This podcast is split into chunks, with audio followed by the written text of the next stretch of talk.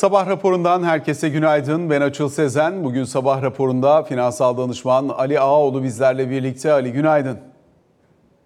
Günaydın Açıl. Kolay gelsin iyi yayınlar. Teşekkür ediyoruz. Şimdi üzerine konuşacağımız çok şey var. Geçtiğimiz haftayla bu hafta arasında değişen çok şey oldu. Merkez Bankası Başkanı da dahil. Dolayısıyla bir yeni politikaların bundan sonra nasıl şekillenebileceği, iki yarınki enflasyon raporu toplantısında verilecek olan mesajların keskinliğinin ve sertliğinin nasıl olduğu, uluslararası yatırımcıların yeni Merkez Bankası yönetimini biraz daha şahin beklediklerine dair bir akış var. Bunları yakından izliyoruz. Dolayısıyla senin bu konudaki görüşlerini de almaya çalışacağım. Bununla birlikte yine uluslararası piyasalarda olup bitenleri, Amerikan hisselerine ilişkin bakış açısını, ayrıca emtia piyasasında olup bitenleri ve jeopolitik gerginliği yansımalarını da programımız çerçevesinde seninle değerlendirmeye çalışacağız. Özellikle Cuma akşamı Türkiye Cumhuriyet Merkez Bankası'nda yaşanan başkanlık değişimiyle ilgili genel bir gidişatı nasıl algıladığına dair soruyla başlayayım.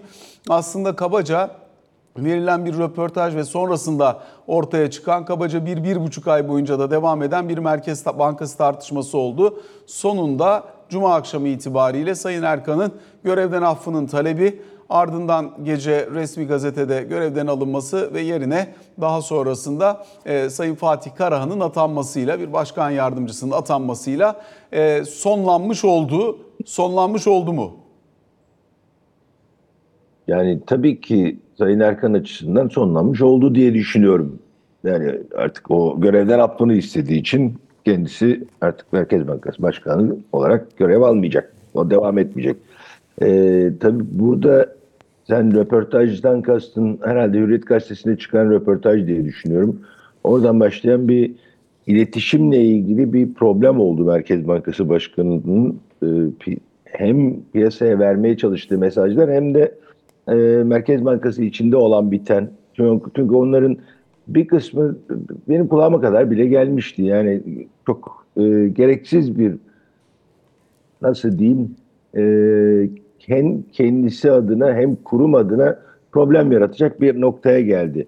Benim anladığım ve gördüğüm kadarıyla Sayın Şimşek bunun biraz daha politikaları etkileyecek noktaya geldiğini o yüzden de artık kendisiyle devam etmek istemediğine karar verdi. Ee, benim dikkatimi çeken özellikle e, Gaye Erkan'ın Twitter'daki veya X'teki e, açıklamasından sonra Sayın Şimşek'in yaptığı açıklama benim önereceğim bir isimle devam edeceğiz gibi bir yorumu vardı. Bu bence kritik. Sayın Şimşek'in birazcık e, politikalara verebileceği zararları önleyebilme adına böyle bir değişiklik talep ettiği veya böyle bir yolu açtığı şeklinde benim bir yorumum var. Fakat bu Merkez Bankası değişimi daha öncekilere çok benzemiyor. Yani daha doğrusu piyasanın algısı da o şekilde olmadı. Benim de öyle olmadı. Çünkü daha öncekilerde politika ile ilgili, daha doğrusu Merkez Bankası'nın izlediği politika ve Sayın Cumhurbaşkanı'nın izlemek istediği politika ile ilgili bir takım değişiklikler yapılmıştı. Şu anda böyle bir politika nedeniyle yapılan bir değişiklik değil. Tamamen kişisel sebeplerle ortaya çıkan bence e, kurumu daha fazla yıpratmaması da gereken bir noktadaydı. Hani birçoğumuz şeyi bekliyorduk. Seçimlerden sonra artık bu gelinen noktada seçimlerden sonra böyle bir değişim olur. Seçimlere kadar buna devam ederiz. En azından piyasayı bu şekilde e, dengede tutarız gibi bir düşünce vardı ama belli ki Sayın Şimşek daha fazla zarar görebileceğini veya politikaların bundan olumsuz etkilenebileceğini düşündüğü için e, böyle bir değişime ön ayak olmuş gibi görünüyor. Ama dediğim gibi diğer Merkez Bankası Başkanı değişimlerinden çok farklı olarak bu sefer tamamen kişisel bir sebeple yaşanan bir değişim veya kişisel sebeplerden kaynaklanan bir değişim. Ama ana politikalarda bir değişim beklenmiyor. Ben de beklemiyorum. Piyasa da genelde beklemiyor. İşin ilginci, gene bana ilginç gelen konulardan bir tanesi bu hemen değişim arifesinde çok fazla dedikodu çıkmamıştı ama değişimden hemen sonra yabancı e, yabancı yatırım bankaların tarafından çok hızlı raporlar yayınlandı. Yani onlar hani hazırlar mıydı böyle bir değişime ya da bekliyorlar mıydı onu ben bilmiyorum. Ben de bekliyordum ama seçimden sonra onlar biraz daha önce bekliyorlarmış herhalde. Bence e, gelen raporlar da pozitif geldi. Hani e, benim hatırladığım kadarıyla 3 ya da 4 rapor geldi.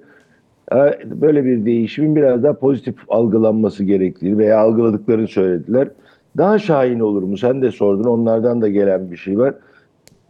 Benim görüşüm daha şahin olmasını gerektirecek çok fazla bir şey henüz yok. Yani henüz yok derken burada hepimizin bildiği e, enflasyon işte Mayıs ayına kadar yükselişe geçecek. Ondan sonra Haziran'da yavaş. Temmuz Ağustos'ta özellikle iki tane de yüzde dokuzlu rakam e, şeyden çıkınca, e, istatistikten çıkınca ya da e, enflasyon verisinden çıkıp yerine daha düşükleri, umuyoruz ki daha düşükleri gelir bu arada, daha düşükleri geldiğinde bir enflasyon inişe geçecek. Şimdi o zamana kadar yeniden bir faiz artışı veya ek faiz artışı gerekir mi sorusu şimdilik gerekmediği noktasındayım ben. En azından yarınki enflasyon raporu önemli olacak. Hani iki açıdan bir yeni Merkez Bankası Başkanı'nın sesini de duyacağız. Yani onunla tanımış olacağız bu vesileyle. Ee, iki, e, enflasyon tahmini yüzde 36. O değişecek mi, değişmeyecek mi? Eğer değişecekse tekrardan bir faiz artışı, değişmekten kastım bu aşağı yönlü olmayacak büyük ihtimalle yukarı yönlü olacak. Eğer yukarı yönlü olursa da yeni bir faiz artışı gelir mi, gelmez mi sorusu var. Onun da e, enflasyon raporundan sonra biraz daha net ortaya çıkacaktır diye düşünüyorum ama bana benim bir, bir tahminim e, zaten Sayın Fatih Karahan da eski PKK, daha sonra bu kararları veren PPK'nın üyesiydi. Onlar duracağız dediler. E, dört üye duracağız çünkü bir tanesi değiştiği için yeni bir üye gelecek. Bu arada yeni üyenin kim olacağı da önemli. Onu da e, pek fazla konuşmadık ama yeni üye de bir yeni bir üye gerekiyor. Atanması gerekiyor. Kim olacağı önemli. O da niyet belirtme açısından da e, kıymetli olacak bu bilgi. Ama yarınki enflasyon raporundan sonra faiz artışlarına devam edip etmeyeceğine bakacağız. Bana şimdilik eğer enflasyon tahmini değişmezse yeni bir faiz artışına gitmeyecekleri gibi bir şeyim var, tahminim var. Ama onu da birlikte göreceğiz. Peki Ali bunların içerisinde birkaç tane önemli başlık var senin saydıkların arasında. Bir tanesi yarınki enflasyon raporunda enflasyon e, tahmininin değişip değişmeyeceği 36, belirsizlik aralığı 42. Bu konulduğu tarih itibariyle Merkez Bankası'na ciddi esneklik sağlamış ve aslında potansiyel olarak da hakikaten piyasayla aynı sayfada olduğu izlenimini vermek için kuvvetli bir iletişim getirmişti beraberinde. Şimdi ee, söylediğin kısmın son bölümü önemli çünkü eğer burada bir revizyon olacaksa arkasını bir faiz e, değişimiyle taçlandırmak gerekecek mi gerekmeyecek mi? Ee, aslında Merkez Bankası'nın beklediğinin çok da uzağına düşmemiş, düşmemiş olsa gerek. Yani bu ayki enflasyonun 6,5 puan civarında geleceğini hemen hemen herkes bekliyordu. Anladığımız kadarıyla Merkez Bankası da bekliyordu. 6,7 puan geldi. Dolayısıyla hani buradan bakıp enflasyonda görünümü ya da e, hedef olarak gösterilmiş olan orta noktayı yerinden oynatmaya gerek var mı? Belki bunu yapmak istese bile bunun için acele etmeye gerek var mı? Ne dersin? Ben de benzer şeyi düşünüyorum. Yani ben bu enflasyon tahmininde büyük bir değişiklik şimdilik beklemiyorum. Çünkü nereden bakarsanız bakın burada süreklilik önemli. Ee, politikalarda süreklilik önemli ve bu farklı bir şey gelecek olursa ya biz zaten bunu biz e, bir defa değiştirdik sonra ikinci defa değiştirip de biraz yatırım bankalarına benziyor. Yatırım bankacıları biliyorsun raporlarında son iki aya gelene kadar tahminlerini tutarlar sonra iki ay kala revize ederler sonra da Aa, biz tutturduk derler. E, o çok sağlıklı bir şey değil veya güvenilir bir politikayı izlenimi uyandırmaz Merkez Bankası'nın nezdinde. Benim de görüşüm bu şey patikayı tutacakları, 36-42 patikasını tutacakları ve bundan sonraki dönemde belki bir sonraki e, enflasyon raporunda bunu değiştirebilirler ama oraya kadar da bu politika faizlerini şu cari seviyelerde tutacaklardır diye düşünüyorum. Burada esas bana göre önemli konu e, belki şu anda para politikası çok da verimli işlemiyor diyelim. Yani kastettiğim şu, ortada bir 45 politika faizi var ama mevduat faizi buna yakınsamıyor. Neden yakınsamıyor? E, likitte fazlası var piyasada. İşin ilginci önümüzdeki iki ay seçime kadar olan iki ayda da biraz daha fazla likitte piyasaya girecek. Bunu çekmesi gerekiyor Merkez Bankası'nın ki e, bu şeydeki e, politika faizine yakınsayan bir mevduat yapısı ortaya çıksın. Çünkü mevduat faizleri bankaların ellerinde fazla likitte olup bunu kredi olarak veremedikleri, vermek istemedikleri bir tarafa kurallar gereğince veremedikleri artı yüksek faiz nedeniyle de kredi talebinin görece düşük olduğu bir durumdayız. Şimdi bunu halen daha e, piyasada böyle bir likiditeyi tuttuğunuz zaman para politikası efektif, verimli çalışmıyor. Onun sağlamanız gerekiyor. Arkasından birçok politikayı izleyebilirsiniz. O yüzden sadece faizi arttırarak yapılacak bir iş değil gibi geliyor bana. O yüzden hani benim beklentim faizleri ve enflasyon tahminini tutmaları, sabit tutmaları ama likiditeye yönelik bir takım adımlar daha atmaları gerekiyor. Çünkü orada o likiditeyi bırakırsanız mevduat faizleri aşağıda kalıyor. O zaman da TL'ye geçmek çok cazip olmadığı için siz ne kadar önlem alırsanız alın, orada size verimli çalışmadığı sürece çok kolaylıkla insanları TL'ye geçmeye ikna edemeyeceksiniz demektir. Bence birkaç adım orada gelecek diye düşünüyorum. Bunun çeşitli yolları var. Merkez Bankası'nın kendi elinde çeşitli enstrümanlar da var. İşte bir zorunlu karşılıklar var mesela eğer likiditeyi çekmek istersen. Diğer taraftan depo ihaleleri var. Depo ihalelerinin bir miktar daha artırılması ve eğer gerçekten sistemi zorlayacak bir likidite fazlası varsa bunun çekilmesi gibi e, çeşitli imkanlara sahip. Yani Merkez Bankası açısından paranın miktarıyla oynamak aslında en rahat yapabileceği şey. Hani piyasaya parayı veren kendisi, çeken de kendisi olabilir paranın sahibi olarak. Dolayısıyla hani burada çok tartışmaya gerek var mı onu bilmiyorum ama tabii seçim öncesinde de likiditeyi tam anlamıyla kurutarak çok zorlayacak bir e, hani her tarafı çok zorlayacak bir yapıya dönüştürmeden bunu götürmek istiyorlar anladığım kadarıyla. Büyük oranda öyledi. Ben de öyle görüyorum. Yani artık e, çok da hani garip gelmiyor. Yani hiçbirimize garip gelmiyor ama denge biraz korunması gerekiyor. Çünkü siz 45 faizi tutup politika faizi 45 iken mevduat faizi 35 olursa burada bir gariplik var demektir. Yani çok verimsiz bir politikayı izliyorsunuz demektir veya işlemiyor. Yani hedeflediğiniz şeyi yapamıyorsunuz diye düşünüyorum. Onun için ona yakın dediğim gibi yakınsaması lazım. Hep bu yakınsama lafını kullanıyorum. Eskiden de iş gören faiz işte 40'larda 50'lerdeydi. Politika faizi 8'lerde 10'lardaydı. Şimdi o da bir garipti. Şimdi bu da hedeflenen, amaçlanan bir politika var. Bu politika verimli çalışması lazım ki istenen sonuçları üretsin. Eh, onu üretebilmesi için e, dediğim gibi likitte tarafında bir takım önlemler lazım ama tabii ki bunlar kırıp dökecek tarzda seçime giderken olmayacaklardır ama çok da e, piyasadaki farklı faizlerin oluşmasına sebep olacak bir e, ortamı da artık e, normalleştirmeniz lazım. Hani bunun için dediğin gibi şeyin zorunlu karşılıklar var ki orada mevduat faizlerini aslında yükseltici, bir çıt yükseltici bir etki yaratacak zorunlu karşılıklara 3 ayda bir faiz ödenmesi gibi yeni bir düzenleme geldi. Hatta yeni başkanın ilk düzenlemesi olarak anılacak herhalde. Öyle bir düzenleme piyasayı bir parça maliyet açısından, bankaları maliyet açısından elini rahatlatacak bir e, düzenleme. İlk çıt e, mevduat faizlerini yukarıya çekecektir. Ama e, istenen seviyede olmasını ben beklemiyorum. Zorunlu karşılıklar öyle, depo ihaleleri öyle, reverse repo yapabilir. Birçok yolla bu likiditeyi çekebilir. Hatta hatta Merkez Bankası kendisini kendine has likidite düzenleme amaçlı bazı menkul kıymetler bile ihraç edebilir. Bu ihraç edeceği menkul kıymetleri kendisinin de teminat olarak kabul edebilir veya piyasada repo yapılmasını sağlayabilir. Hazineye rakip olması çok hoş görünmez. O mutlaka öyle. Belki hazineyle bir işbirliği yapabilir bilmiyorum. Ama her halükarda bu fazla likitte ki bunun büyük kısmı KKM'den geldi. Bir kısmı şimdi deprem harcamalarında o bütçenin geçen sene e, Kasım'daki bütçe rakamındaki tahakkukla nakit arasındaki farktan da bir harcama likiditesi ya da bir harcama piyasaya gelecek.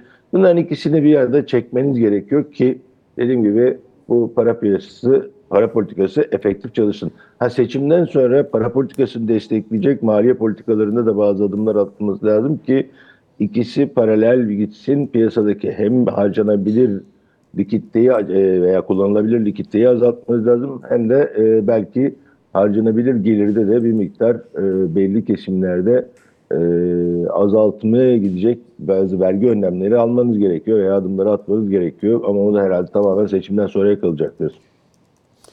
Yine e, önemli konulardan bir tanesi biraz önce dedin ki işte hani hazineye rakip gibi görünmesi çok hoş durmayacaktır. Dolayısıyla hani farklı bir e, yapı anladığımız kadarıyla Merkez Bankası'nda bir e, hani öyle likitte senedi vesaire gibi herhangi bir şeye ihtiyaç duymadan hani zaten swap kaynaklı likitte fazlasını kendiliğinden bir miktar azalacağını, depoyla bir miktar daha buranın dengeleneceğini dolayısıyla çok ekstra bir şey yapmadan bu geçici sürecin atlatılacağını düşünüyor. E, iki tane sorun var. Bir tanesi e, Türkiye Varlık Fonu'nun e, bir ihracı gerçekleşecek. Dolayısıyla onların kendilerine bir Türkiye Varlık Fonu'nun kendisine bir e, hani eğri oluşturmak e, niyetinde olduğunu, farklı noktalarda yapacağı ihraçlarla orta uzun vadeli kendi finansman yapısını güçlendirmek istediğini anlıyoruz. Oradaki ihraç yaklaşımını nasıl buluyorsun? Varlık fonu ile ilgili benim başından itibaren e, temel itirazlarım var. Yani o da şöyle, varlık fonu diyorsak varlık yönetirsiniz, evet. Ama e, borçlanma yapacaksanız bunu hazinenin yapması lazım. Ve sonradan burada bir takım yatırımlar yapılacaksa ki varlık fonu bu yatırımları yapacak şekilde tasarlanmıştı temel olarak. Onları var olan kaynaklarınızla yaparsınız. Borçlanarak yapacaksanız bu borçlanma bir taraftan hazine bir taraftan varlık fonu olarak iki ayrı kanaldan çıkıyor olmamanız lazım düşüncesindeyim doğrusunu istersen. Ha, bazı yatırımları hızlandırmak amacıyla varlık fonu üzerinden yapacak olsanız bile varlık fonu hazineden borç alır olması lazım. Hazinedeki bir takım kıymetleri zaten aldık biz varlık fonunun içine koyduk.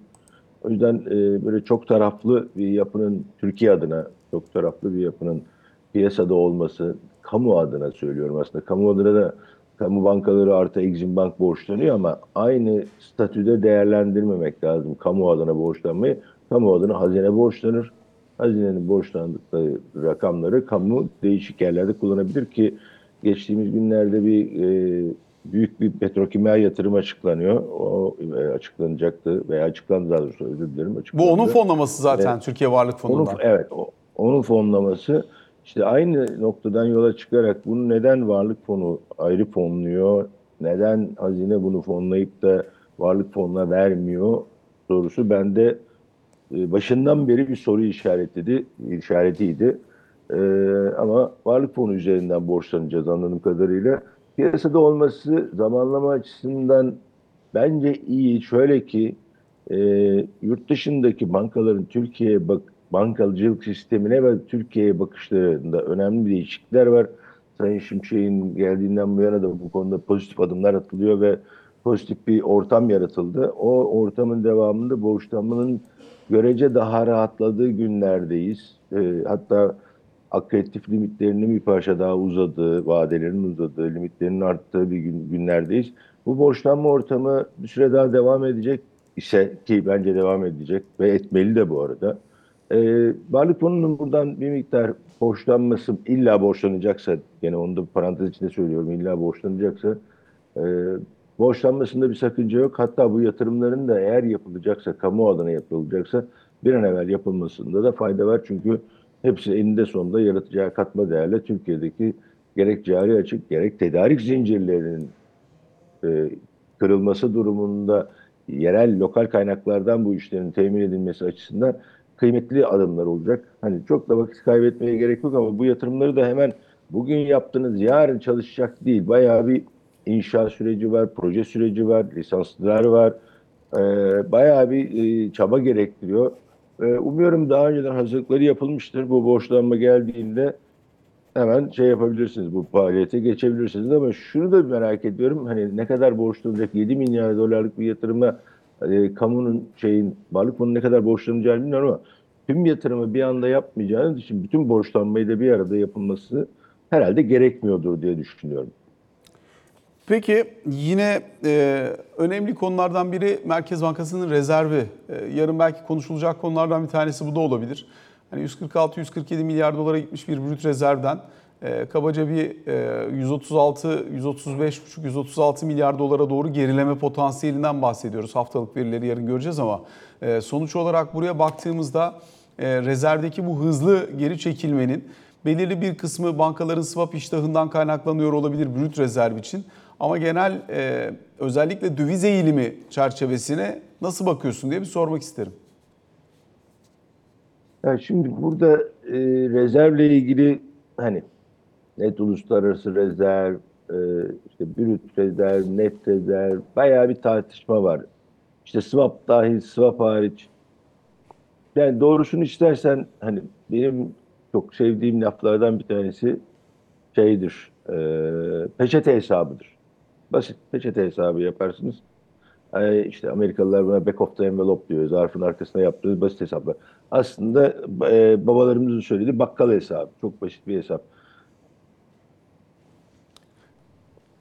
Bakkal hesabına baktığım zaman çok basit bir şeye bakıyorum ben. Net net rezervlere bakıyorum. O da bütün swap borçları aslında swap rezerv, sağladığınız rezervler emaneten aldığınız rezervler. Geçici rezervler. Bu geçici rezervleri kalıcı hale getirmeniz için gerçekten kendinizin yani Türk lirasını verip dövizi satın aldığınız reel döviz alımları ki bu ya ihracatçılardan aldığınız olacak ya piyasadan aldığınız olacak. Piyasaya müdahale etmeniz veya bir döviz alım ihalesi açmanız gerekiyor. Bunun için de zaman çok uygun görünmüyor. İşte KKM'yi bir şekilde sonlandırmaya çalışıyoruz. Dövizden olanı, TL'den olanı sonlandırdık da dövizden olanı sonlandırmaya çalışıyoruz. O da zaman alıyor. Çünkü onun da içindeki tercihleri çok net olarak ölçemediğimiz için e, herhangi bir anda oradan KKM'den bir çıkış olduğunda döviz rezervlerimiz azalıyor. Sonuçta eksi 40'a kadar düşmüştü döviz rezervleri. Net netten bahsediyorum. Eksi 50'ye tekrar e, yükseldi diyelim. Açığımız yükseldi. E, bu biraz problem. Biraz değil. Bence önemli problemlerden bir tanesi. Türkiye'nin gerçekten bu kadar uzun süre eksi rezervle devam eden dünyada çok az merkez bankası oldu. Onun rezervlerin belli bir dönemde yerine konulması, bu KKM konusunda belli adımların daha e, emin bir şekilde atılması lazım. Hani Merkez Bankası'nın da kendine biraz güvenerek bu KKM meselesini önce çözüp arkasından da rezervleri yeniden inşa etmesi gerekiyor. Bu biraz süreç alacak ben orada hani hem piyasa tarafına baktığımda hem yabancıların gözüyle baktığımda şimdiye kadar hiç fena idare etmedik yani bu kadar e, rezerv, eksi rezerv döneminde. İnşallah bundan sonra da Merkez Bankası'nın atacağı bazı adımlar var. Olması gerekiyor KKM konusunda. Yapıyorlar. Fakat her an, her an dövize bir talep olduğunda endişe ediyorlar, geri çekiliyorlar. Geçenlerde yine e, bir tarih değişikliği yaptılar.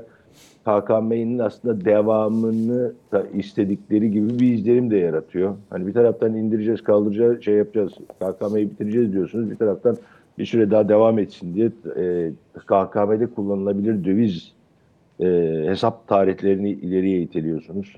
Bunu her üç ayda bir yapıyoruz aslında. Demek ki henüz daha KKM'den tam anlamıyla çıkma konusunda e, biraz şey var herhalde Merkez Bankası'nın kendine güvensizliği var. Haklı da olabilirler. 80 milyar dolara indi ama gene de 80 milyar dolar önemli bir rakam. Onu hemen hal dediğiniz zaman yerine koyabileceğiniz bir dönem değil. Hani bunlar bir dönem geldiğinde döviz rezervini de koruyabilmiş olsaydık bugün zaten bir problem olmayacaktı. O yüzden rezerv tarafı hem e, yönetilmesi hayli zor ve meşakkatli bir iş hem de e, içinde KKM'yi de barındırdığı için bir süre daha biz bununla yaşayacağız gibi görünüyor. Umuyorum bir e, ülkeye gelen şey gibi Varlık Fonu veya Exim veya diğer kamu bankaları bunun yanı sıra sendikasyonlar da şu anda oldukça e, iyi gidiyor görünüyor. Oradan gelecek bir miktar şeyle döviz girdisiyle rezervleri biraz daha yukarıya çekecek Merkez Bankası. Çünkü yabancıların da yan gözle sürekli baktıkları bir yer orası. Ali e, diğer taraftan biraz yurt dışına da bakalım istersen. Özellikle yurt dışındaki risk iştahı açısından önemli değişimler oldu. Bunlardan bir tanesi e, Jerome Powell'ın açıklamalarıyla birlikte piyasa Mart fiyatlamasını faiz indirimi için tamamen sildi. Mayıs indirim fiyatlamasını ciddi anlamda aşağı çekti. 3 civarında bir faiz indiriminden bahsediyor Jerome Powell. Diğer Fed başkanları da artık biz e, kesin kanaat getirene kadar enflasyonun düştüğüne hamle yapmak çok tercih etmiyoruz diyorlar. Ee, böyle bakınca piyasa bir kendi ayarlamasını, kendi uyarlamasını yapma eğilimine girdi. Fakat an itibariyle e, özellikle işte 4.15'lere gitmiş Amerikan 10 yıllıklarının 4.09'lara doğru geri geldiğini gözlemliyoruz. Hisse senedi piyasalarının nasıl tepki vereceğine bakacağız. Rekor seviyelere gelmiş bir hisse senedi piyasası var ama e, özellikle yıl sonuna ilişkin resesyon olur diyerek negatifte kalmış olanların çok terste kaldığını, bunların arasında Bank of America gibi, JP Morgan gibi çok büyük kurumların çok e, gözde stratejistlerinin de yer aldığını gözlemliyoruz. Şimdi bütün beklentiler pozitife doğru revize ediliyor hisse senedi cephesi için. Dengenin nerede bulunmasını bekliyorsun? Ben bu faiz indirimleriyle ilgili hatırlarsan e, sohbetlerde hep 5-6 faiz indirimine kadar çıkmıştı piyasa. Noel rallisi, Noel Baba rallisi. Ben iyimser olduğunu düşünüyordum. Hakikaten yani düşünsene 8 toplantı yapıyor bir yıl içinde Fed ve bunun altısında inecek diye bir beklenti var. Çok ciddi bir faiz indirim beklentisi. Ben bunun mümkün olmayacağını düşünüyorum. Çünkü %9'lardan 3'e indirmek, 3,5'a indirmek enflasyonu görecek kolay. Görecek diyorum. Görecek kolay. 3,5'tan 2'ye indirmek daha zor oluyor. Çünkü marjinal etkileri çok daha farklı oluyor yaptığınız işlerin. Ben o kadar hızlı ve büyük faiz indirimleri beklemiyordum. Ben 3-4 faiz indiriminden daha fazlası olması hem enflasyonla mücadelede gerçekten kalıcı bir başarı elde edebilmek için yüksek kalmaya bir süre devam etmesi gerekiyor ki bu bizim için de geçerli. Aynı benzer politikaların Türkiye'de de uygulanması gerekiyor ve uygulanıyor şu anda. Ee, inşallah devam edecek ama diğer taraftan bu kadar hızlı bir faiz indirimi olmasını beklemediğim için ben o faiz indirimlerine istinaden yapılan değerlemelerin borsaya yansıyıp hisse senetlerinin fiyatlarını yukarı çıkarttığı noktada da bu değerlemelerin de gene hatalı olacağını düşünüyordum. Fakat ben yanıldım hisse senet tarafında, faiz tarafında yanıldım, yanılmamış görünüyorum şimdilik. Ben bu faiz indirimlerinin Mayıs'ta başlayacağını, daha doğrusu önce Nisan'daki toplantıda Avrupa Merkez Bankası'nın faiz indireceğini, arkasından e, 1 Mayıs'taki toplantıda ilk faiz indirimiyle şeyin Fed'in faiz indirimlerine başlayacağını çünkü bu kadar da pozitif reel faiz Amerika'nın çok fazla uzun süre devam ettirebileceği bir seviye değil gibi görünüyor bana. Ancak faiz indirimlerinde belki iki faiz indiriminden sonra biraz mola, belki üç faiz indirimi biraz daha mola ama dördüncü faiz indirimi yıl sonunda gelir. Yani 3, 4 faiz indirimi ama etkisi 3,5'luk bir etki yaratır diye düşünen taraftayım. Ve şu anda hani piyasanın bu kadar acele etmesi bence çok anlamlı değildi. Nitekim onlar e, faiz tarafında özellikle şimdi 4 ondan 4 15'lere çıkıp 4.09'a gelen bonolar bir an Amerikan 10 yıllıklarından konuşuyorum. Bir ara 3.86'lara 3.85'lere geldi. Yani bu bu yıl içinde oldu bir de çok hızlı faiz inecek beklentisi. Bu piyasa biraz fazla hızlı hareket ediyor veya fazla o günün havası neyse, modu neyse ona uygun çok e, sert hareketler yapıyorlar.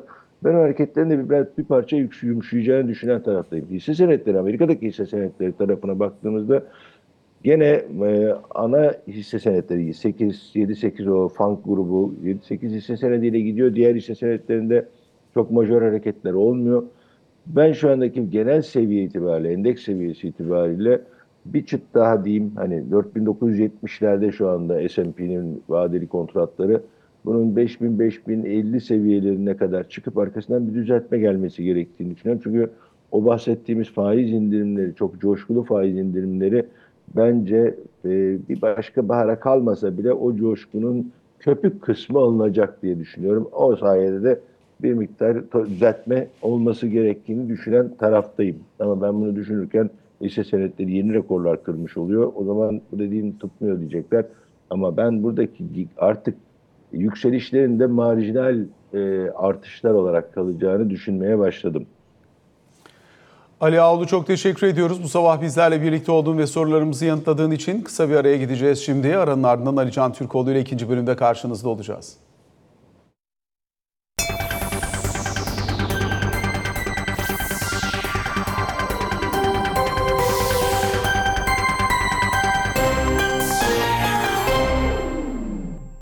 Sabah raporunun ikinci bölümünde Ali Can Türkoğlu ile beraberiz. Ali Can günaydın. Günaydın. Özellikle dış politika ağırlıklı gidelim istersen. Çünkü bir taraftan Blinken'ın e, yine Orta Doğu turu var. Dün de bir parça konuşmuştuk. Bu tur çerçevesinde e, düne göre biraz daha ateşkese yaklaşılmış olabilir. Gelen sinyaller öyle anladım. Evet şöyle deniyor çünkü aslında yine işte Suudi Arabistan'dan başlayıp Mısır, Katar, İsrail ve Batı Şeria'yı kapsayan bir tur yapacak ABD Dışişleri Bakanı. Ama özellikle dün işte biraz değinmeye çalıştım aslında. Geçen haftadan bu yana ateşkesle ilgili olarak biraz daha fazla e, seçenekler, alternatifler dillendirilmeye başlanmış gibi gözüküyor. Her ne kadar İsrail tarafı özellikle Refah tarafında da yani Gazze'nin güneyinde de saldırılarını yoğunlaştırmış gibi e, gözükse de şu an itibarıyla arka kapıdan özellikle Mısır ve Katar'ın arabuluculuğunda yapılan görüşmelerin belirli bir noktaya geldiği ifade ediliyor. Hatta bugün e, Hamas'ın e, bu sürece olumlu yaklaşmaya başladığı yani hem ateşkes konusu hem esir takası konusu yani ateşkes garantilensin, saldırılar e, bitirilsin, yeniden imarla, Gazze'nin yeniden imarı ile ilgili belirli noktalar konuşulmaya başlansın. Hatta esir takası da tamamlanacak şekilde e, son yapılan görüşmelerin Hamas tarafından olumlu karşılandığı, hatta Mısır ve Katar üzerinden bir takım mesajlar gönderildiği, e, Hamas'ın olumlu noktada olduğuyla ilgili olarak şu anda e, topun İsrail'in e, sahasında olduğu ve kendilerinin yani İsrail'in hem kendi içinde hem Mossad üzerinden konuyu değerlendirdiği yönünde bilgiler, bilgi akışı biraz daha fazla olmaya başladı. Dolayısıyla Blinken'ın bu turunda, 5. Orta Doğu turundan bahsediyoruz, e, çatışmaların başladığı günden bu yana. E, bu turunda, bu tur bu turun bitimiyle beraber e, süresi belli olmamakla beraber yine bir esir takasının ve ateşkesin gündeme geleceği konunun konuşulabileceği yönünde beklenti oldukça artmış durumda.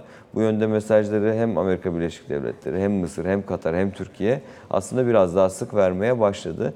Dolayısıyla evet böyle bir beklenti var işin doğrusu. Yani İsrail tarafıyla ilgili olarak bu beklentinin olduğunu söyleyebilirim ama bölgedeki hani karışıklık devam ediyor. İşte bir yandan işte İsrail ile Suriye arasındaki gerginlik devam ediyor. Bir yandan diplomatik temaslar karşılıklı olarak sürdürülüyor. Sadece o bölgede de değil. İşte Yemen'de Amerika Birleşik Devletleri'nin operasyonları, e, seçici operasyonlar diyelim devam ettiğini söyleyebilirim net bir şekilde. Bir yandan da Türkiye'nin e, genel bölgesel konuları değerlendirmek için temasları sürdürülüyor.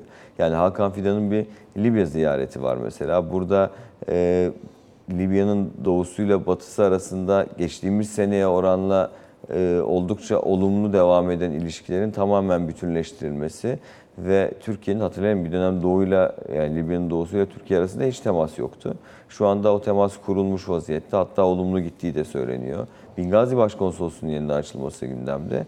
Dolayısıyla bölgesel politikaları değerlendirirken işte Mısır'a gidilecek mesela 14'ünde bile. Ya bunlar bayağı Tüm önemli şeyler. Yani Arap bir Baharı sonrasında bayağı ciddi şekilde açılmış olan araların e, yavaş yavaş yeniden inşası. Aslında hani bunu belki daha geniş perspektifte de şöyle konuşabiliriz. Hani daha önce bu Hamas-İsrail çatışması öncesinde bölgedeki herkesin herkesle diyalog kurmaya çalıştığı ortam vardı ya. Türkiye, Suudi Arabistan, Türkiye Birleşik Arap Emirlikleri, Suudi Arabistan, İsrail, Türkiye, İsrail, Türkiye, Mısır, Türkiye, şimdi Libya. Dolayısıyla hani e, Hamas çatışmasına rağmen, İsrail-Hamas çatışmasına rağmen bölgede nispeten o kontakların devam ettirildiğini, o ilişki ve diyalog silsilesinin sürdüğünü en azından söylemek mümkün. Daha geniş açıdan değerlendirecek olursak Evet, hatta Türk- Türkiye-Yunanistan arasındaki Tabii, Türkiye gerginliğin açısı- azalması dahi. Türkiye açısından bunu biraz daha net olarak söyleyebiliriz. İsrail ve Arap ülkeleri arasındaki Orası şey biraz düşünün. biraz durmuş vaziyette ama en azından e, süreç bu çatışma ve savaş sonrasında çok daha farklı noktaya gidip işte son bir, bir buçuk senede kurulmaya çalışılan bağların yeniden kopması söz konusu olabilir yorumlarını yapan uzmanlar vardı işin doğrusu. Ama dediğin noktada Türkiye açısından değerlendirildiğinde işte Birleşik Arap Emirlikleri ile de Suudi Arabistan'la da işte Libya'nın doğu tarafıyla da şimdi Irak'la görüşmeler devam ediyor. Yani merkezi hükümetin özellikle terörle mücadele kapsamında Türkiye ile Irak'ın bölünmez iki ortak olduğu yönündeki açıklamaları sürdürülüyor. Dün Milli Savunma Bakanı oradaydı. Süleymaniye tarafında KYB ile evet sıkıntı var. Ee, ancak merkezi hükümet tarafında sıkıntı olmadığını söyleyebiliriz. E, İran'la görüşmeler zaten sürüyor. Yani bölgenin bu kadar gergin olduğu bir süreçte bölgedeki tüm aktörlerle bir şekilde olumlu bir e, süreci sürdürmeye çalışıyor gibi gözüküyor Ankara şu anda. Dış politika yönü düzlemi olarak söylüyorum bunu. E, bunun içerisinde belirsiz olanlar var sadece. Evet mesela işte Putin'in geldiğinde 12'sinde e, olumlu mesajlar bölgeyle ilgili verilecektir. 14'ünde Mısır'a gidildiğinde Türkiye ile Mısır arasında işte yıllardır devam eden o e, negatif sürecin artık pozitife döndüğü, tekrar Türkiye ve Mısır'ın eskiden olduğu gibi bölgenin en önemli iki ülkesi olarak hem işbirlikleri hem ticari hem ekonomik hem siyasi işbirliğine gidecekleri yönde açıklamalar gelecektir. Burada şu anda biraz daha geride kalan süreç Suriye konusu gibi gözüküyor. Suriye'nin de aktarmıştım daha öncesinde e, masaya oturmak için Türkiye'den bir takım beklentilerinin olduğu, Türkiye'nin de bu beklentileri veya bu talepleri diyeyim karşılamayacağı. Dolayısıyla bu konuda yani Şam-Ankara yakınlaşmasının tam olarak sağlanması için anladığım kadarıyla biraz daha zamana ihtiyaç duyulduğu söylenebilir. Ama burada e, Putin ziyareti sırasında Türkiye-Suriye konusunun da konuşulacağını söyleyebilirim. Yani Şubat ayında tüm bu konuştuğumuz başlıklar ve ülkelerle ilgili olarak yeni gelişmeler yaşanabilir. E, Bunun içerisinde Avrupa tarafını da dahil ederiz. Şimdi bugün biraz daha yoğunluklu e, bu bölgeyi konuştuk ama AB tarafıyla ilgili de önemli mesajlar, olumlu anlamda mesajların verildiği bir süreç içerisindeyiz şu anda. E, Vize serbestisi konusu, gümrük birliğinin güncellenmesi konusu da oradaki ayrı başlıklar. Ama bunlarla ilgili de adım bekleniyor aslında Ankara tarafından. Dolayısıyla dış politika gündemi oldukça yoğun. Ancak bu gündemi şu anda olumsuz olarak değerlendirmenin değerlendirilmemesi gerekiyor gibi anlaşılıyor. Alican teşekkür ediyoruz. Ben teşekkür Sabah ederim. raporunu böylelikle noktalamış oluyoruz. Hoşçakalın.